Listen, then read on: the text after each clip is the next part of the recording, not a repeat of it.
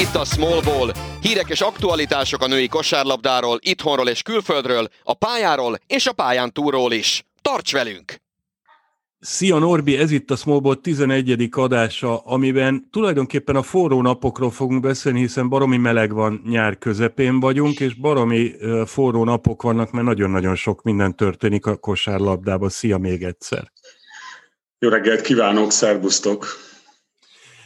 Igazából a mai adásunknak konkrét központi témája azon kívül, hogy beszéljünk az aktualitásokról, mi történt, mi fog történni a közeljövőben a női kosárlabda pályákon, és azon kívül nem nagyon van, de úgy gondolom, hogy így is lesz bőven beszélni valónk, hiszen Európa bajnokság zárult, olimpia közeledik, NB1-es keretek formálódnak, tehát én szerintem baromi sok minden van, amiről beszéltünk.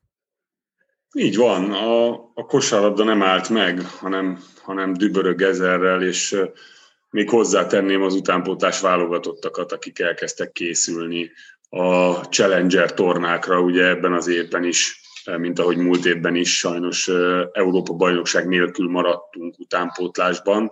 Hála Istennek az U19-es világbajnokság megrendezésre kerül, úgyhogy nem marad le senki Magyarországon nagy tornáról. Debrecenben ezt majd augusztusban megtekintheti, de, de a, a többi csapat is készült, tehát az U18, az U16 és az U20 is a saját, a saját Euro Challenge vagy Challenger tornájára.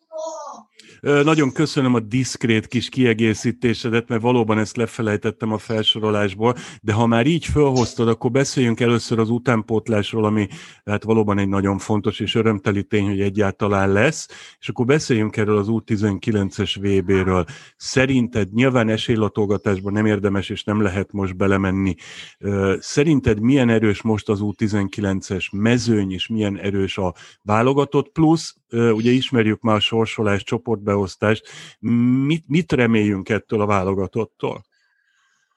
Nagyon nehéz jövendőmondónak kéne lenni ahhoz, hogy az ember pontosan el tudja helyezni a magyar válogatottnak a, a helyét ezen a, a tornán. Én azt gondolom, hogy amikor a Európáról beszélünk, akkor sokkal könnyebben látjuk azt, hogy nagyjából merre mehet a válogatott, viszont hogyha egy nagyobb kitekintést, egy nagyobb szeletét vesszük ki a sportágnak, azaz a világot, akkor, akkor már sokkal, sokkal nehezebb. A csoportot látjuk, igen, ez egy olyan csoport, amelyikben szerintem lehet akár elsőnek is lenni, ami alapvetően egy nagyon nagy lehetőséget adna a kezünkben, kezünkbe, hiszen a keresztjáték miatt nagyon fontos lenne, hogy az első, esetleg a második helyen végezzünk, mert akkor van esélyünk arra, hogy a 16-ból bejussunk a 8-ba. Ugyanis a másik csoportban Ausztrália és az Amerikai Egyesült Államoknak a csapata is ott van, így aztán az ő, ő, ő, ő ellenük lejátszott 16-ból 8-ba jutásért mérkőzés az nem sok jóval kecsegtet. Én, én viszont azt gondolom, hogy ez a magyar csapat erős, ez a magyar csapat képes lehet arra, hogy akár a, a legjobb 8-ba, vagy talán nagyon nagy, nagyon nagy szerencsével a legjobb négybe is bejusson. Ja, beszéltünk már a korábbi adások során, hogy te nagyon-nagyon jól ismered a magyar és a nemzetközi utánpótlás mezőnyt is, hiszen nagyon sok időt foglalkozol azzal, hogy feltérképezd a csapatokat, játékosokat. Hadd kérdezzek egy olyat tőled, hogy a FIBA honlapján rendszerint ezeken a világeseményeken mindig van egy olyan beharangozó, amikor játékosokra felhívják külön-külön a figyelmüket. Van most olyan játékos, akire te azt mondod, hogy hogy, hogy nem, nem magyar játékosra, hanem külföldire gondolok, azt mondott, hogy érdemes figyelni rá, mert a jövő Taurázia lesz, a jövő Iványi Dalmája lesz, a jövő bárki lesz? Én nem szeretnék, nem szeretnék külföld. Pont ezen gondolkodtam közben, ahogy, ahogy ezt elkezdted kérdezni ezt a, a, a mondatot, hogy én, én Dombai Rékát emelném ki elsősorban. Na, ő lett volna a következő. Halljon, halljon a mezőny róla, ha, és, és higgyünk abban, hogy, hogy ő egy olyan játékos lesz, le, lehet ezen a világbajnokságon is, a, aki, aki a, a legjobbak közé fog tartozni. Szóval én azt gondolom, hogy most még nagyon nehéz lenne valakit is kiemelni. Jelen pillanatban ez a, a korosztály azért még nem olyan, akik, akik nagyon befutottak lennének világszinten, de itt is biztos, hogy nagyon sok olyan új és, és erős játékos fog feltűnni, aki, aki esetleg nekünk eddig még ismeretlen volt, úgyhogy meglátjuk. Ugye az ausztráloknak mindig szokott nagyon jó játékosuk, elsősorban irányító játékosuk lenni. A, az amerikaiak azok mindig egy nagyon komplett csapattal szoktak kiállni, úgyhogy ezért is, ezért is gondolom azt, hogy ő ellenük nagyon nehéz lenne. Mint ahogy egyébként az olaszok ellen is, ha már itt tartunk, ugye az A csoportban, ott Olaszország is tanyázik, és hogyha Ausztrália, Amerika és az olaszokat el tudnánk kerülni, azaz meg tudnánk nyerni a B csoportot, ehhez mondjuk az oroszokat meg kell verni, akkor nagyon jó esélyünk lenne Egyiptom ellen, hogy bejussunk a, a legjobb nyolcba. Ellenkező esetben elképesztően nagy csata vár ránk a 16-ból a 8-ba jutásért. Jó, na Úgyhogy akkor... én nem, ne, visszatérve egy kicsit a kérdésedre, nem nagyon ö, jelölnék meg játékost, a torna meg fogja szabni. Tegnap hallottam egy nagyon jó mondatot a fotball Európa bajnokságon, Busquetszel kapcsolatban, amikor azt mondták rá, azt hiszem Del Bosque mondta egyébként, hogy ha a játékot nézed, nem veszed észre Busquetset. Viszont, hogyha a, a viszont ha Busquetset nézed, látod a játékot. És ez, ez nagyon-nagyon érdekes. Én azt gondolom, hogy nekünk ez lesz most a feladatunk, hogy egy kicsit nézzük a játékot, tehát összességében a, a csapatokat, és aztán rá fogja irányítani a figyelmünket majd egy-egy játékosra is. Jó, oké, okay, rendben, nézzük a játékot, nézzük az egyéniségeket, viszont hol és mikor fogjuk tudni? Debrecenben lesz a, a világbajnokság július végén? Nem, augusztus 7-től kezdődik, és 15-én van a, a döntő. És amennyire te most tudod, a mostani helyzet szerint ez olyan, hogy nézők bemehetnek és megnézhetik a mérkőzéseket? Így van, a, a nézők meg, megnézhetik, megtekinthetik, annál is inkább, hiszen a mai naptól feloldották a maszkviselést, hogyha jól tudom. Tehát én, én azt gondolom, hogy igen, mindenféle megkötés nélkül a nézők megnézhetik a, a, a mérkőzéseket. Ezeken a tornákon nem szokott belépő egy, egy lenni, úgyhogy szerintem mindenki jöjjön és nézze meg ezt a egyébként nagyon tehetséges magyar válogatottat. Kíváncsi vagyok arra, hogy hova jutnak, és hiszek abban, hogy, hogy egy nagyon jó tornát fogunk tudni lebonyolítani a magyar ország szintjén, hiszen ez az első, most első ilyen torna, de jövőre is világbajnokságot rendezünk ugye U17-ben, és azt követően pedig a fiúknak fogunk világbajnokságot rendezni. Igen, én 2018-ban Udinében voltam egy U19-es világbajnokságon, hát tényleg érdemes elmenni, tényleg érdemes megnézni, mert elképesztő mennyiségű tehetség, és elképesztően izgalmas csapatok vannak rendszerint, úgyhogy hajrá csajok, hajrá Debrecen, meg fogjuk nézni. Na, mi pedig menjünk tovább, jó? És beszéljünk akkor picit időrendi síkban haladva a női EB-ről, ami a hétvégén lezárult, és volt enne meglepetés. Mert én megmondom neked őszintén, hogyha megnézzük a tabellát, mondjuk a, a dobogót konkrétan, akkor olyan nagyon nagy meglepetést nem gondolok látni. Ugye Szerbia nyerte az Európa-bajnokságot, Franciaország ellen győztek a döntőbe, és a belgák lettek a harmadikok. Én személy Azért... szerint egyébként megmondom őszintén, hogy én a franciákat gondoltam ö, győztesnek, még a torna előtt, ö, de összességében ugye a szerb kosárlabda női fronton is, férfi fronton is egyértelműen ö, jó és nagyon-nagyon erős jó ideje, tehát ez akár papírformának is tekinthető, az-e szerinted? Na, én szerintem nem. Ugye az első háromban én feltétlenül oda vártam a spanyol válogatottat, ők ugye nem kerültek be a, a legjobb háromba, sőt, ugye kicsúsztak a, a világbajnokságért folytatott küzdelemből is így, mert hogy ugye 7.-8. helyen végeztek. Úgyhogy én, én azt látom, hogy, hogy igazából ez a három csapat, akikről beszéltél, ők tényleg nagyon jó csapatok, odavaló játékosok, odavaló csapatok a dobogóra, úgy gondolom, de, de nekem a spanyolok nagyon hiányoznak onnan. A, ha végig megyünk, akkor a, a szerb győzelem, az megmondom őszintén, engem sem lepett meg.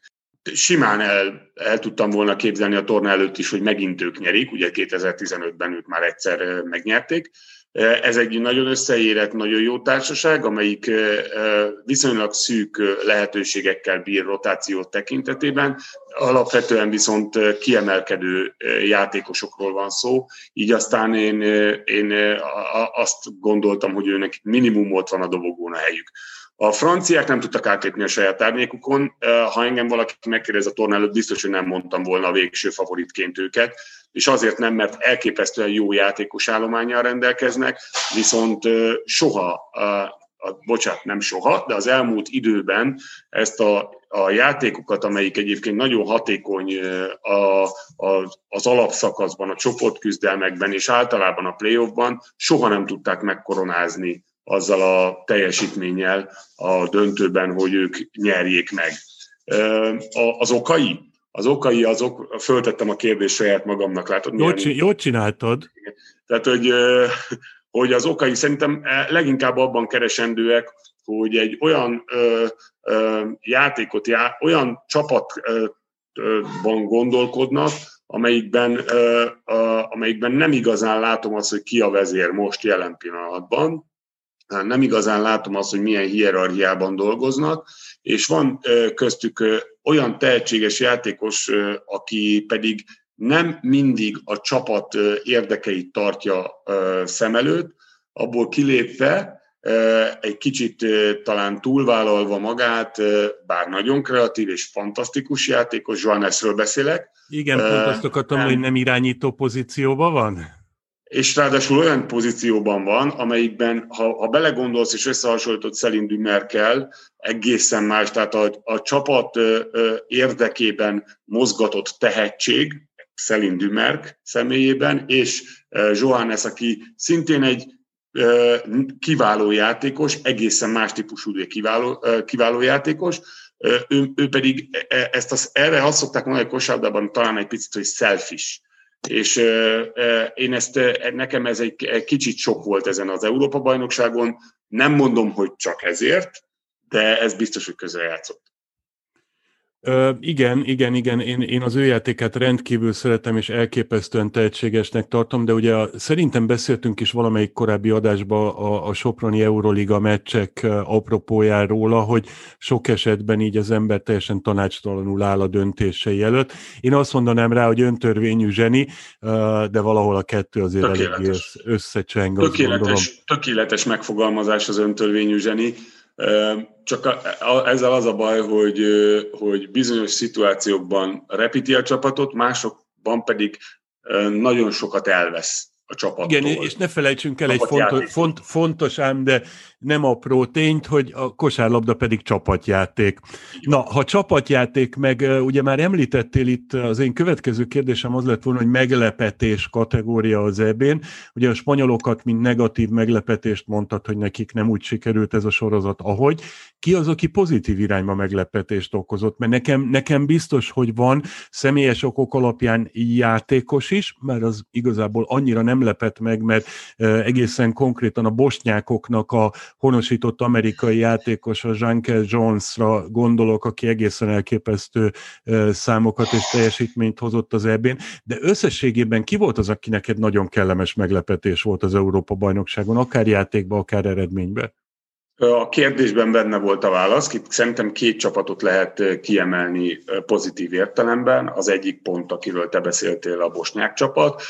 Jones pedig repítette őket. Egy közepes képességű csapatból csinált extra csapatot.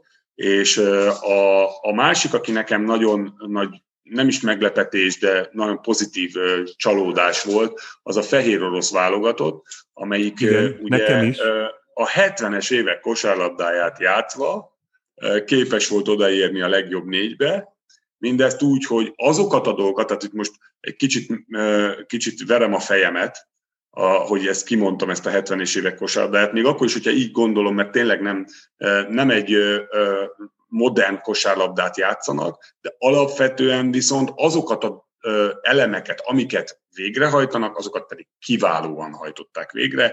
Három kiváló centerrel, jó mezőnyjátékosokkal, bennük egy extrával, Bentivel. Nagyon-nagyon-nagyon sokat hoztak nekem, és nagyon jó volt nézni őket egyébként.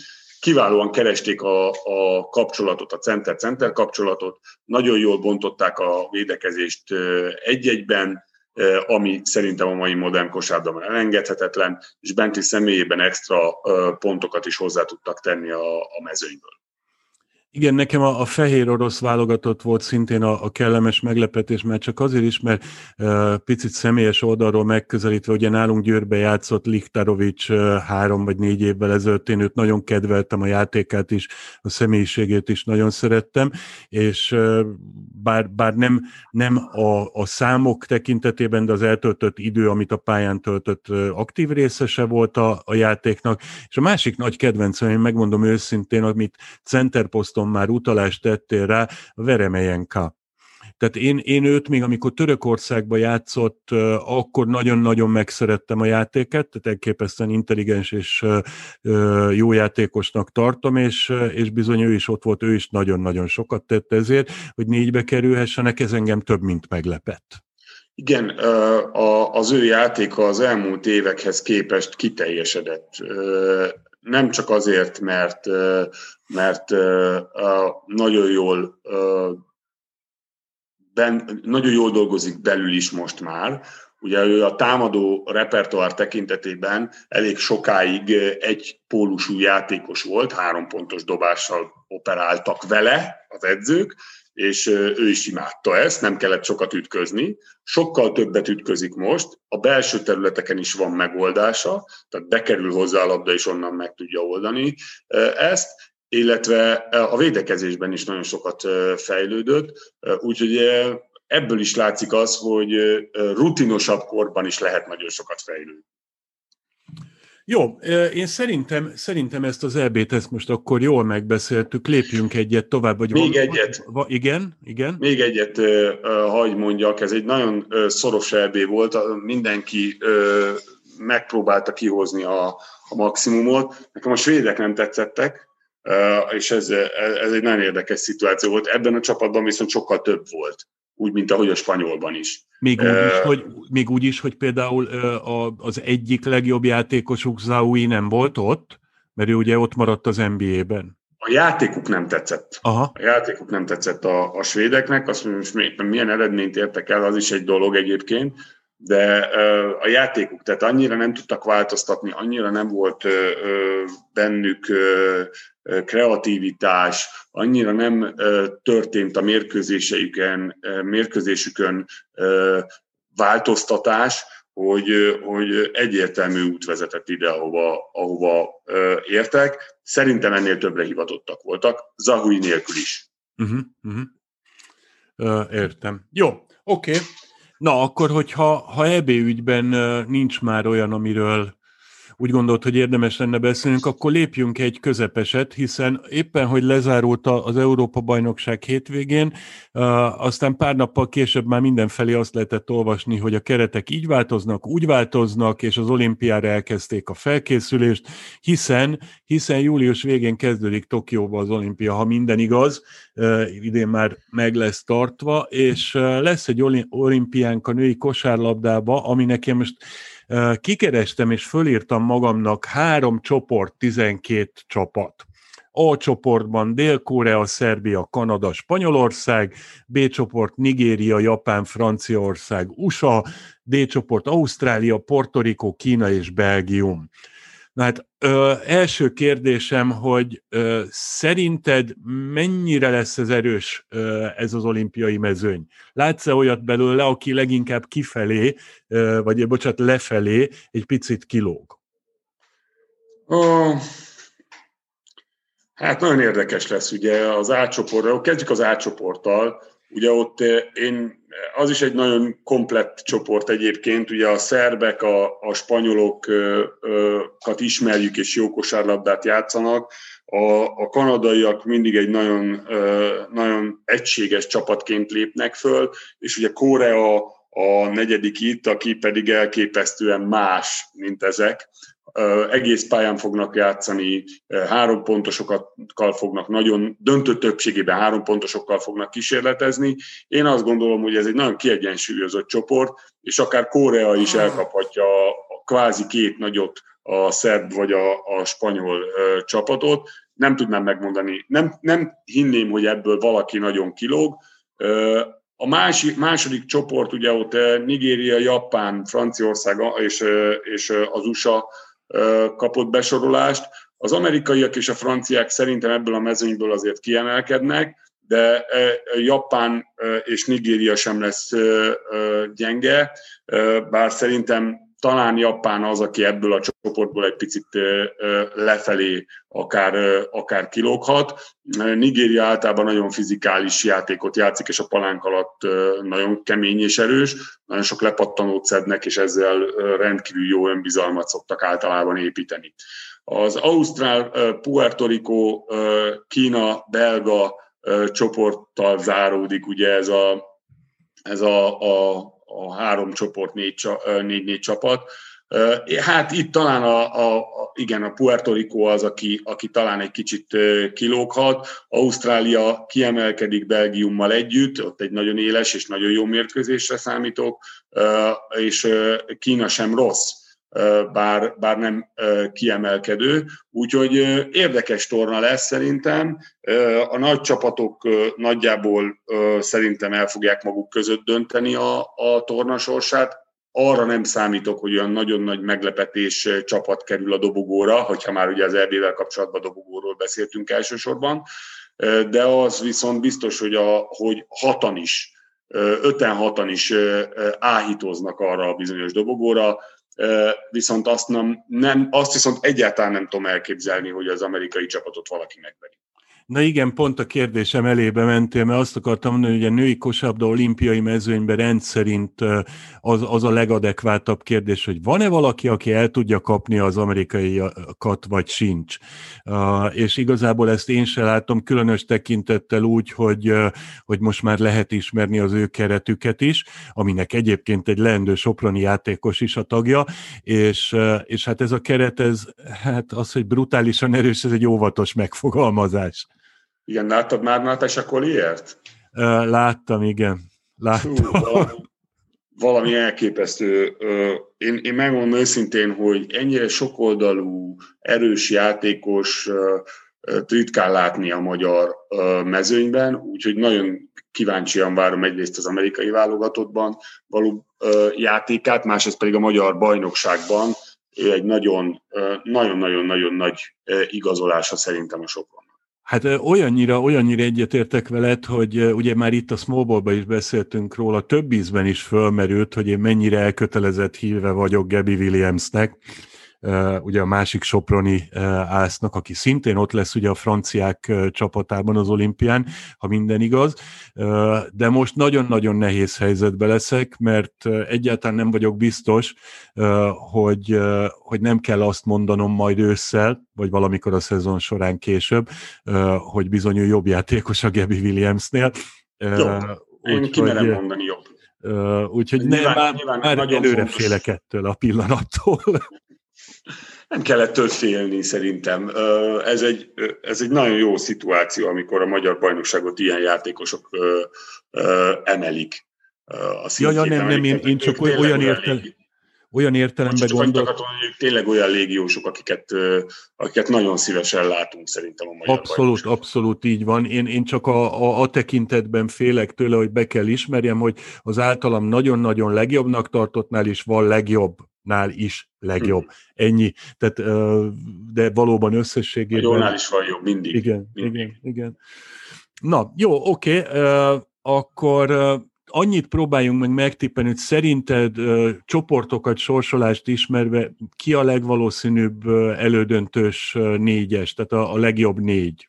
Ugye az usa a, kvázi Azt nem tudom pontosan, hogy hogyan játszanak keresztbe a csapatok, de én azt prognosztizálom, hogy a, a, a dobogóra, ú, ez egy nagyon nehéz kérdés. Amerikaiak nyilván ugye ott lesznek a dobogón, szerintem az ausztrálok is, és egy európai csapat lesz ott. Én most ebben a pillanatban nem csak azért, mert az Európa bajnokságot ők nyerték, a szerveket tartom a legesélyesebbnek erre. Na és akkor ki a negyedik? A negyedik is egy európai csapat lesz. Igen? Szerintem a, én szerintem a, a spanyolok elképesztő energiákat fognak mozgostani, hogy megmutassák magukat, úgyhogy szerintem a spanyol lesz a negyedik. Igen, ez egy teljesen reális forgatókönyv, azt gondolom. Én bevallom őszintén egy picit a, a kanadaiakat még, még oda, oda várom, vagy oda környékre várom, mert ahogy te is mondtad, hogy egy egészen speciális kosárlabdát játszanak, nem tartom lehetetlennek, hogy ők itt ilyen szinten meglepetést okozzanak, de majd meglátjuk.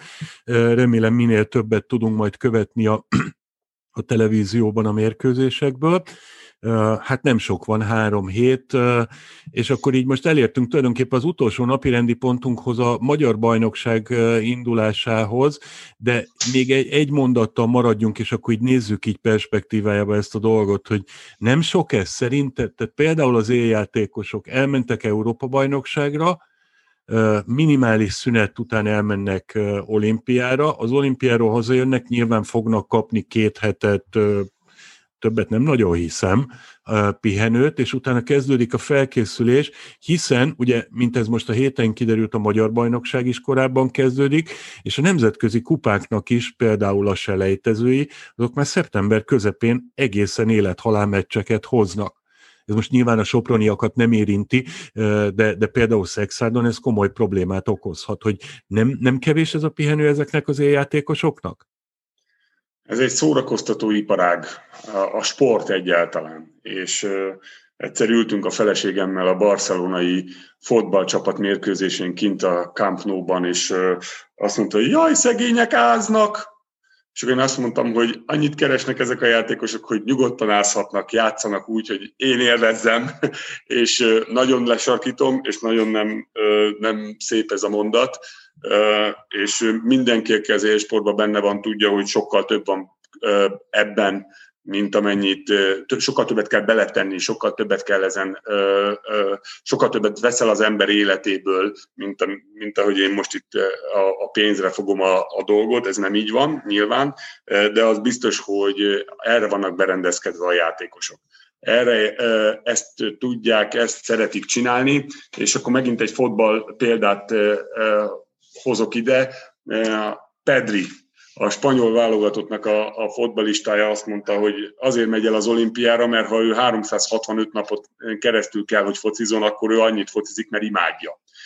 Hát ugye onnan elindultam, és ahova érkeztem, hogy a pénz, és oda érkeztem ugye ebből, hogy, hogy a emóciók, a belső indítatás, e, e között a kettő között megtalálva az igaz utat, ezek a játékosok játszani fognak, jól fognak játszani, bár nem a lehető legmagasabb szinten, mert sajnos egyre kevesebb idő van a felkészülésekre.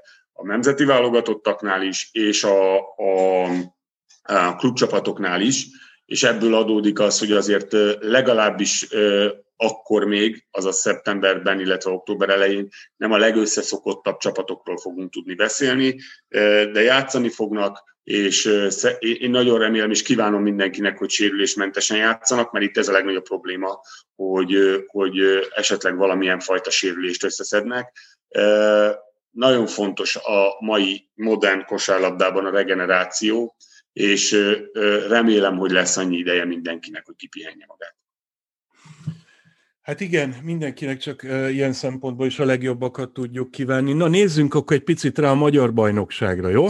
Uh, majdnem minden csapat kihirdette a keretét, vagy ha nem hirdette ki, akkor többé-kevésbé tudott. Uh, hogy látod, erősebb lesz a jövő évi magyar bajnokság, mint az idén uh, befejezett volt? Mennyivel lesz erősebb? Hogy, változnak a csapatok szerinted? Most azt kéred tőlem, hogy a Delfoi Jósda legyek, nem tudom megmondani jelen pillanatban. Nyilván lesznek olyan csapatok, akik egy kicsit erősebbek, lesznek olyan csapatok, akik egy kicsit gyengébbek, de összességében rátekintve nagyon nagy színvonalváltozást nem várok. Viszont évek alatt azért picit-picit mindig lép előre a magyar bajnokság, és nagyon remélem azt, hogy az idén is így lesz, de ezt most még csak jelen pillanatban szerintem egy remény szintjén fogalmazódik meg. Jó játékosok kerülnek a, a magyar bajnokságba, Lásd mondjuk Colliert, akivel, akivel már most külön foglalkoztunk, de, de lesznek még olyanok, akik szintén pozitív meglepetést fognak nekünk okozni. Én nagyon remélem leginkább azt, hogy a magyar játékosoknak a szerepe továbbra is komoly lesz, és, és még komolyabb, mint ahogy az elmúlt években. Várom azt, hogy előrelépjenek, várom azt, hogy lássak olyan játékosokat, akik, akik zászló vivők, és olyan személyiséggel, olyan játéktudással rendelkeznek, hogy a válogatottban is képesek a legmagasabb szintet teljesíteni, olyan közeget tudunk nekik teremteni, mind a kluboknál, mind pedig a válogatottban.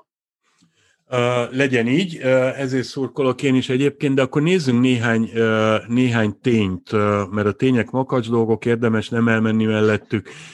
Van egy fájó szívvel és nagy hiányjal a szívünkbe maradó Zalegerszeg, aki idén nem lesz az első osztálynak a tagja, viszont ez együtt jár azzal, hogy van egy új csapat az NBA egy alcsoportjában akik ugye a, a hírek szerint évek óta sok mindent megtettek azért, hogy, hogy följussanak, sikerüljön elérniük a célt, és ez idén sikerült is. Mit vársz tőlük? A BKG-tól azt várom, hogy, hogy legyenek egységesek, hogy mutassanak karaktert, és hogy azt a pár játékost, akik náluk van, azok kapjanak olyan rutint a, az NB1-ben, hogy ezáltal ők, ők is bekerüljenek a magyar körforgásba, de kiemelek egy játékos, bár nem szoktam egy játékossal foglalkozni, nagyon nagy, nagyon nagy várakozással tekintek Angyal Barbara játéka elé, aki ugyan a, a csatában egy kicsit kevesebbet játszott érthető okokból, de kíváncsi vagyok arra, hogy egy olyan szituációban, amikor ő tényleg vezérszereplő lehet, mit tud hozni, mert a válogatottakban, az utánpótlás válogatottakban ő már ezt megmutatta, hogy képes rá. Na, akkor ha már válogatottat behoztad érthető módon ebbe a beszélgetésbe, akkor a másik oldalról közelítsük meg a dolgot. Jön a következő csapat, akit földobok, csata. A csata leigazolta Zeledorinát és leigazolta Simon Zsófit. A utóbbi engem személy szerint nagyon meglepett, mert nem tudtam, hogy ő, ő haza szeretne jönni, vagy haza fog jönni, ahogy éppen tetszik. Mennyire, mennyire meglepetés számodra az, hogy két ilyen rutinos, nagyon rutinos, és a válogatottban is komoly eredményeket elérő játékos a csatába igazolt? Igen, megmondom őszintén, engem is meglepett. Tegnap beszéltem éppen Túsis Krisztiánnal, most, most azt próbálják meg elérni, hogy jó külföldi játékosaik is legyenek, de örülök ennek, hogy ez így van, mert ezzel együtt Krisztián megfogalmazása szerint, és bocsánat, hogyha kiadok valami olyat, amit esetleg nem kéne, egy külföldivel kevesebb játékosuk lesz, mert hogy egy magyar vagy két magyar játékost igazoltak, és én ennek megmondom őszintén speciálisan nagyon örülök.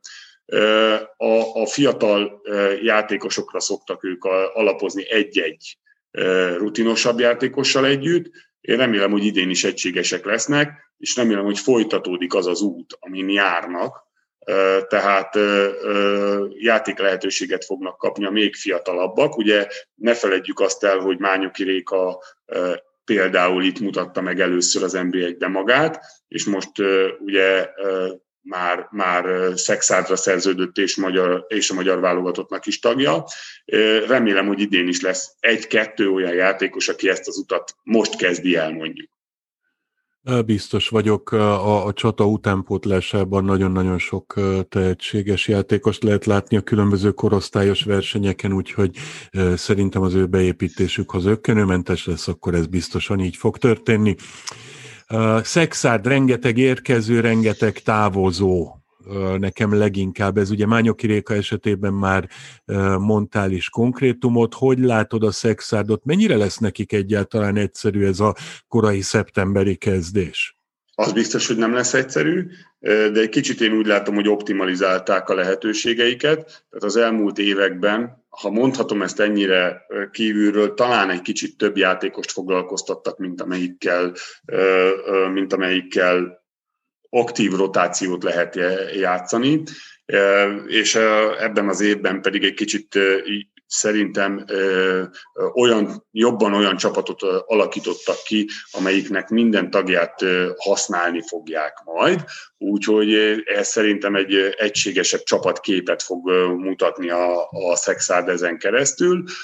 Hát és nekem ott vannak ugye nyilván a, a, a kedvenceim, a, a magyar válogatottak, Kerebelivi, Studerági, ugye ki, nyilván nem is kicsit Bálint Réka, úgyhogy én nagyon remélem, hogy ők, és még sorolhatnám, én nagyon remélem, hogy ők továbbra is jók és meghatározóak lesznek a nemzetközi kupákban is, és a magyar bajnokságban is. Várom tőlük azt, hogy egy kicsit még erősebbek legyenek, mint múlt évben.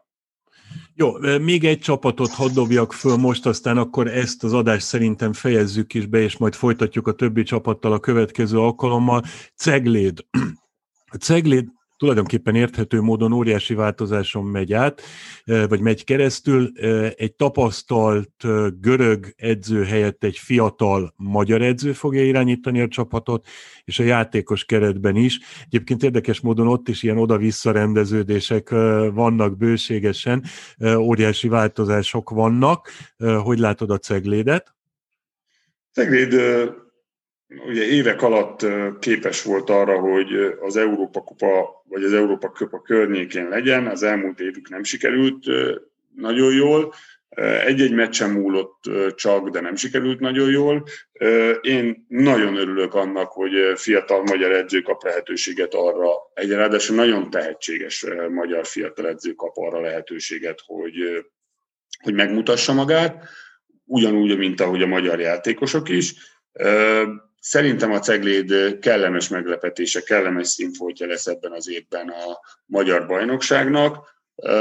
Nyilván nyugtával dicsért a napot, tehát ez most megint csak egy jövendőlés, de alapvetően ők, őket én, én pozitív irányba történő elmozdulásra gondolok velük kapcsolatban. Jó, meglátjuk. Mint ahogy majd meglátjuk, hogy a többi csapat milyen keretet hogyan hirdet. Ugye a Diós Győriek most már elkezdték csöpögtetni az infót, mi Győriek is közel vagyunk ehhez, úgyhogy szerintem folytassuk legközelebb. Ez a legközelebb, ez nem ígérem, hogy két hét múlva, de majd egyeztetjük a programjainkat, hogy ki mikor merre lesz, és, és azért még a nyáron jelentkezzünk. Addig is pihenjél, amennyit tudsz, bár ha jól tudom, akkor megint Fehérvár vagy éppen Sopron felé tartasz utánpótlás rendezvényre, úgyhogy, úgyhogy szerintem búcsúzzunk el ma egymástól is, meg a nézőktől is, oké? Okay? Igen, még csak egy, egy reakció, ugye Sopronban már Sopronban teszi át a székhelyét az U20-as válogatott, és ott, ott fogok a jövő héten egy-két napot eltölteni, illetve Székesfehérváron megkezdi a munkáját az U19-es és az U18-as válogatottunk is, ugye e között a két helyszín között fogok most ingázni, és azt követően pedig már, a következő héten pedig a, a Soproni U20-as Challenger torna kezdődik, 12-én hétfőn, úgyhogy ott is mindenképpen el fogok tölteni egy pár napot. Jó, és hát... akkor köszönjünk el. Köszönjünk el. Szia Norbi, köszönjük a hallgatóknak a figyelmet, mindenkinek szép és békés nyarat kívánunk. Hasonló jókat kívánok én is. Sziasztok! Sziasztok!